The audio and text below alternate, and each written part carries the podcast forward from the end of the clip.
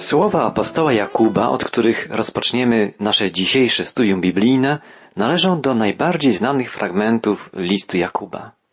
W końcowej części pierwszego rozdziału tego listu czytamy, począwszy od wiersza 22. Bądźcie wykonawcami słowa, a nie tylko słuchaczami, oszukującymi samych siebie.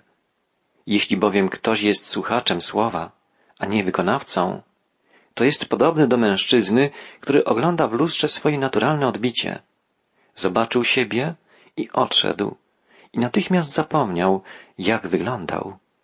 Apostoł stawia przed nami dwa obrazy. Najpierw mówi o człowieku, który idzie na nabożeństwo, przysłuchuje się tam czytanemu i wykładanemu słowu, uważając, że samo słuchanie czyni go chrześcijaninem. Człowiek taki nie bierze pod uwagę, iż wszystko to, co słyszał w kościele, ma być zastosowane w jego życiu. Utożsamianie chodzenia do kościoła i czytania Biblii z chrześcijaństwem nie jest nawet połową drogi do prawdziwego naśladowania Chrystusa. Podstawową rzeczą bowiem jest zastosowanie usłyszanej nauki w działaniu. Po drugie, takiego człowieka Jakub porównuje do kogoś, kto przegląda się w lustrze. Pamiętajmy, że w starożytności lustra nie były wykonane ze szkła, lecz z wygładzonego do połysku metalu. Człowiek taki widzi zarysy swojej twarzy. Widzi zwichrzone włosy, może zmarszczki, ale potem odchodzi i zapomina o swoim wyglądzie zewnętrznym. Słuchając Słowa Bożego, uświadomił sobie, kim jest i jakim powinien być. Zauważył pewne nieprawidłowości i dowiedział się, co należy poprawić. Jeżeli jednak jest tylko słuchaczem, to pozostanie takim, jakim jest, a samo słuchanie stanie się stratą czasu. Jakub przypomina nam bardzo dobitnie, zwraca się do nas wprost, iż Słowo Boże, które słuchamy w niedzielę, kościele czy przy innych okazjach, musi być przez nas stosowane w codziennym życiu. Nie może być tak, że kimś innym jesteśmy w kościele, wśród naszych przyjaciół, chrześcijan, a kimś innym w pracy, w szkole, wśród sąsiadów, na ulicy. Zastanówmy się nad tym szczerze i zmieńmy to, co trzeba zmienić. Myśl o praktycznym wprowadzaniu w życie słyszanego przez nas Słowa Bożego kontynuowana jest przez apostoła Jakuba do końca pierwszego rozdziału jego listu. Przeczytajmy wiersz 25. Ten zaś, kto wpatruje się w doskonałe prawo wolności i jest mu wierny, nie jak słuchacz skłonny do zapominania, ale jak wykonawca dzieła, ten będzie błogosławiony w tym, co robi. W starszym tłumaczeniu słowa te brzmią, ale kto wejrzał w doskonałe prawo wolności i trwa w nim, nie jest słuchaczem, który zapomina, lecz wykonawcą, ten będzie błogosławiony w swoim działaniu. Wypowiedź Jakuba ma głęboki sens. Istnieje bowiem określone prawo etyczne, któremu chrześcijanin powinien się podporządkować. Prawa tego należy szukać w dziesięciorgu przykazaniach, następnie w nauczaniu Jezusa Chrystusa. To prawo Jakub określa dwoma przymiotnikami. Jest to doskonałe prawo. Istnieją trzy przyczyny, z powodu których prawo możemy nazwać doskonałym. Jest to, po pierwsze, Boże prawo, przez Boga objawione i nadane. Droga życia, jaką Jezus wyznaczył dla swoich naśladowców, jest zgodna z wolą Boga. Po drugie, doskonałość prawa polega na tym, że nie może ono być ulepszone. Chrześcijańskim prawem jest prawo miłości, a wymagania miłości nigdy nie mogą być zaspokojone.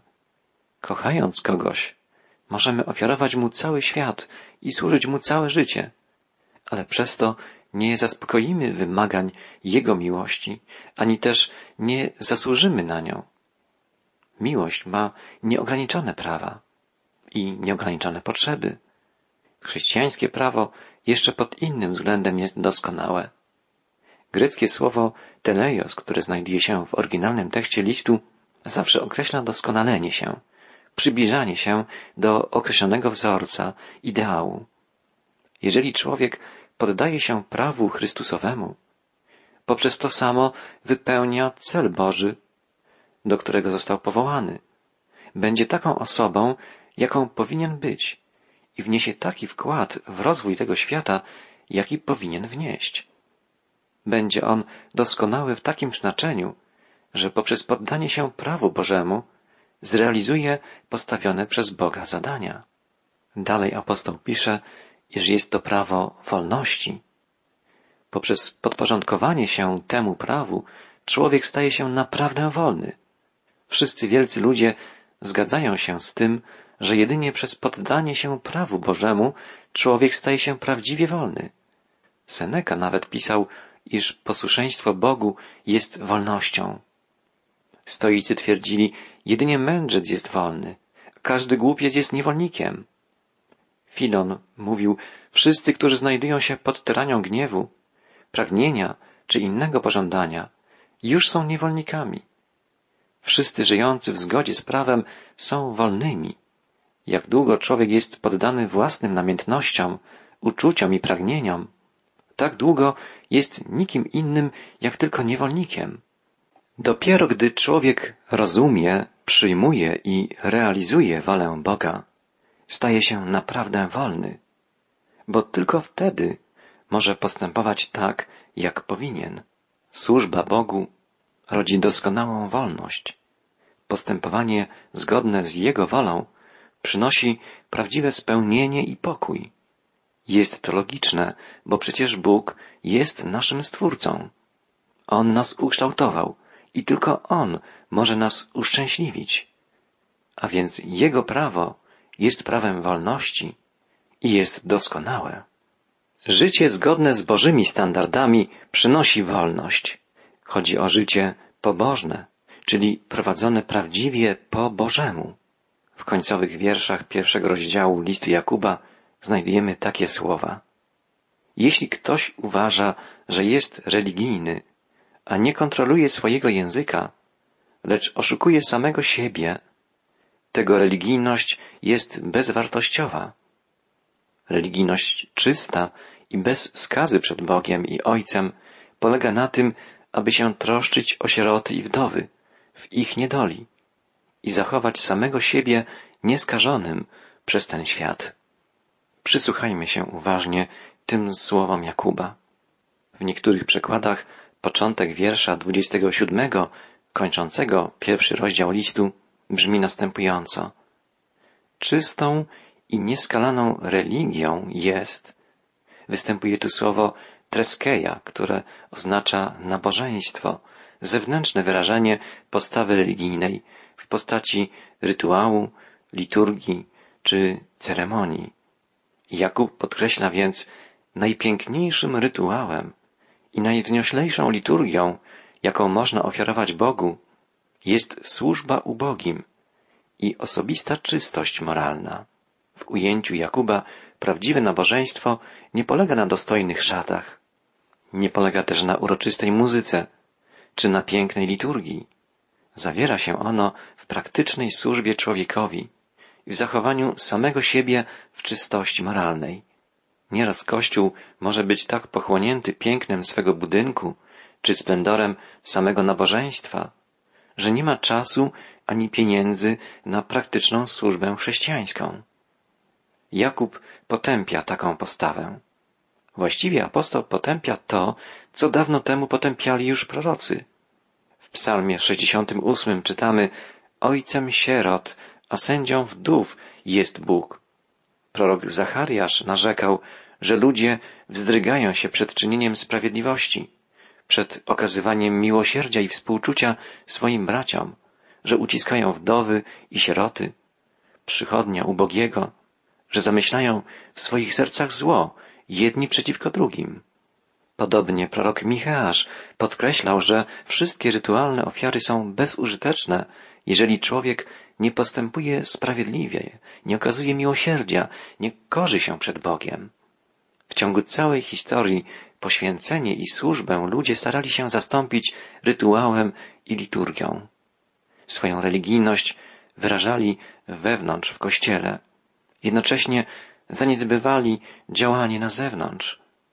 Nie chodzi tu o to, żeby przekreślić wszelkie sztachetne odczucia, jakich doznajemy w kościele, na naszych nabożeństwach, mszach czy na spotkaniach wspólnotowych. Ale wszystko to nie będzie miało sensu, jeśli nie nakieruje nas na okazanie pomocy bliźnim i na praktyczne przeciwstawienie się biedzie i złu tego świata. List Jakuba, jak wspominaliśmy już na wstępie, ma charakter praktyczny, etyczny, moralny. Nie znajdziemy tu głębokich prawd doktrynalnych, a jednak jest tu mowa o najbardziej istotnych treściach chrześcijaństwa. Jakub wzywa nas bowiem do wprowadzania w życie Bożych prawd, do tego, byśmy byli wykonawcami Bożego Słowa. Takie było przesłanie pierwszego rozdziału listu i tak rozpoczyna się rozdział drugi. Czytamy tu na początku. Bracia, nie kierujcie się pozorami zewnętrznymi, wierząc w naszego Pana chwały, Jezusa Chrystusa. W innym tłumaczeniu, tradycyjnym, słowa te brzmią następująco. Bracia moi, nie czyńcie różnicy między osobami przy wyznawaniu wiary w Jezusa Chrystusa, naszego Pana chwały. Szczególny szacunek okazywany niektórym osobom oznacza zbytnią i nieuczciwą stronniczość. Jest to narzucanie się komuś, ponieważ jest na przykład bogaty, wpływowy czy popularny.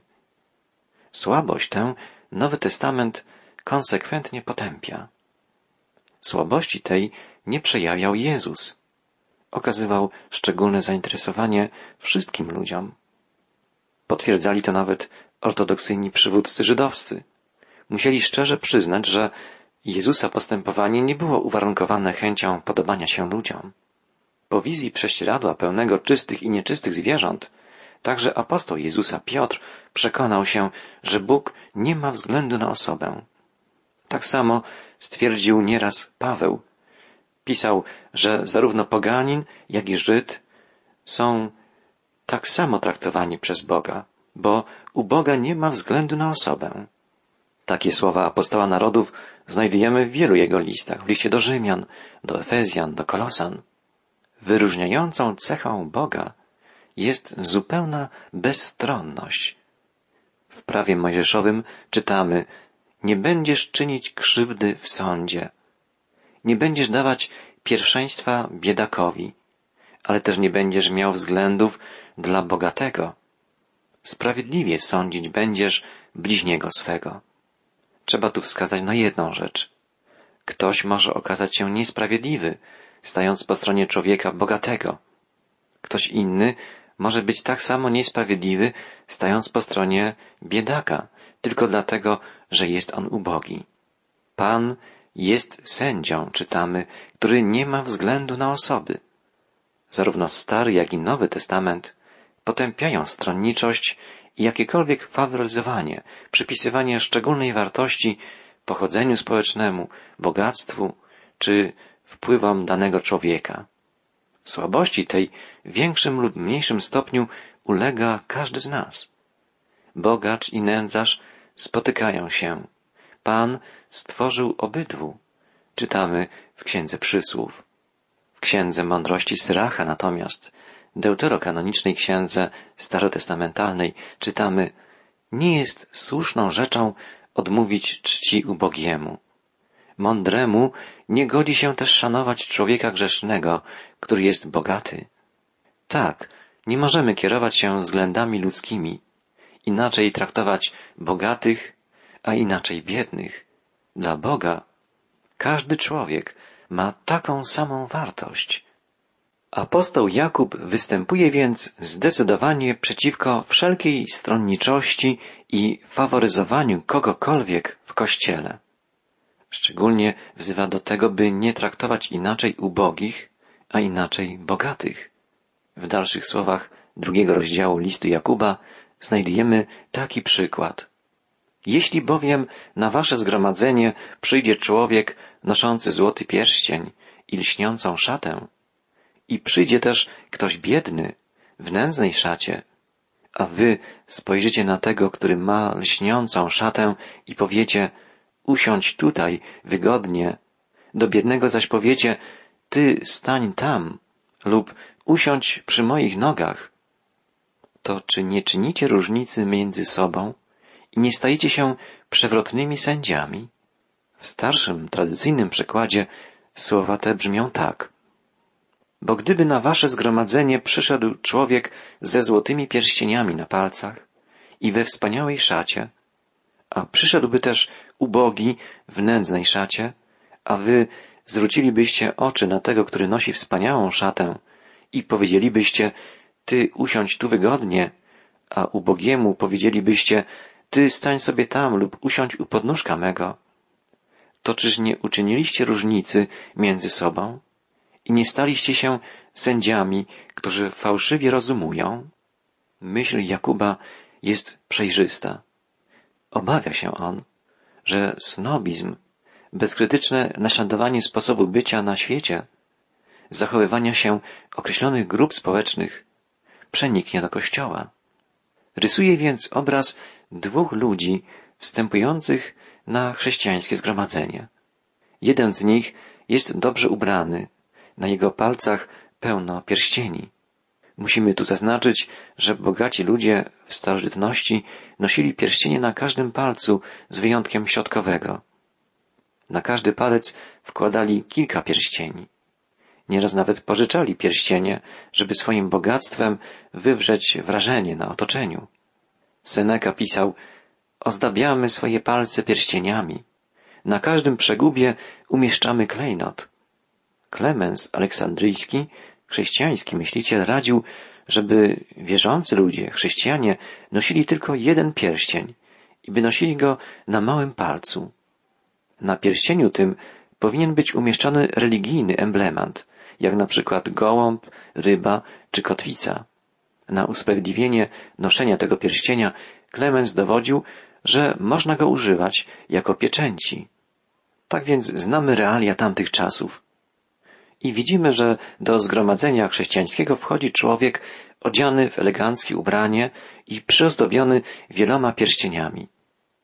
Zanim wkracza tam biedny, odziany w robocze łachmany człowiek, ponieważ innych nie posiada. Na jego palcach nie ma żadnych pierścieni. Bogaty zostaje przyjęty z należnym ceremoniałem i szacunkiem. Natomiast biednemu każą stać z tyłu lub usiąść na podłodze, obok stołka. Nie jest to obraz przejaskrawiony. Wzmianki na ten temat spotykamy we wczesnych pismach chrześcijańskich, które zawierają omówienie porządku nabożeństw. Na przykład czytamy w statucie apostołów, jeżeli wejdzie ktoś przystojnie ubrany, człowiek z tego lub dalszego rejonu, będąc bratem, ty, prezbiter, wygłaszając słowo o Bogu, słuchając lub czytając, nie powinieneś mieć względu na osoby i nie przerywać swego zajęcia, by wyszukać mu odpowiednie miejsce. Pozostawaj w spokoju. Niech bracia go przyjmą. A jeżeli nie będą mieli miejsca dla niego, człowiek miłujący braci ustąpi mu swego miejsca. A jeżeli wejdzie człowiek biedny z tego rejonu lub z dalszego i nie znajdzie wolnego miejsca, ty, prezbiter, znajdź jemu odpowiednie miejsce, nawet gdybyś sam musiał siedzieć na podłodze, aby nie było względów na człowieka, lecz na Boga. We wczesnym kościele bez wątpienia istniały poważne problemy społeczne. Kościół był jedynym miejscem w starożytnym świecie, gdzie różnice społeczne były likwidowane. Na pewno niezręcznie było panu siedzieć obok swego niewolnika lub przybyć na nabożeństwo, któremu przewodniczył niewolnik. Przepaść między niewolnikiem, który według prawa był jedynie żywym przedmiotem, ożywionym narzędziem pracy, a Panem, któremu wolno było wszystko. Przepaść ta była tak wielka, że z ich zbliżenia się do siebie wynikały pewne problemy. Nawet pomimo tego, że byli braćmi, że byli oboje ludźmi wierzącymi. Ponadto pierwotny Kościół składał się przede wszystkim z biednych i wyzyskiwanych. Jeżeli więc człowiek bogaty nawracał się i przychodził do chrześcijańskiego zgromadzenia, do chrześcijańskiej wspólnoty, istniała wielka pokusa traktowania go jako kogoś wyjątkowego, kogoś, kto swoją obecnością przydaje jakby Chrystusowi blasku. Kościół musi być miejscem, gdzie różnice społeczne tracą wszelkie znaczenie. Nie można kogokolwiek wyróżniać, znajdując się w obecności króla chwały. Nikt nie może szczycić się swoimi zasługami, stojąc przed najwyższym świętym Bogiem. Wobec Boga wszelkie ziemskie zaszczyty są prochem, są niczym. W obecności Boga wszyscy ludzie są równi sobie.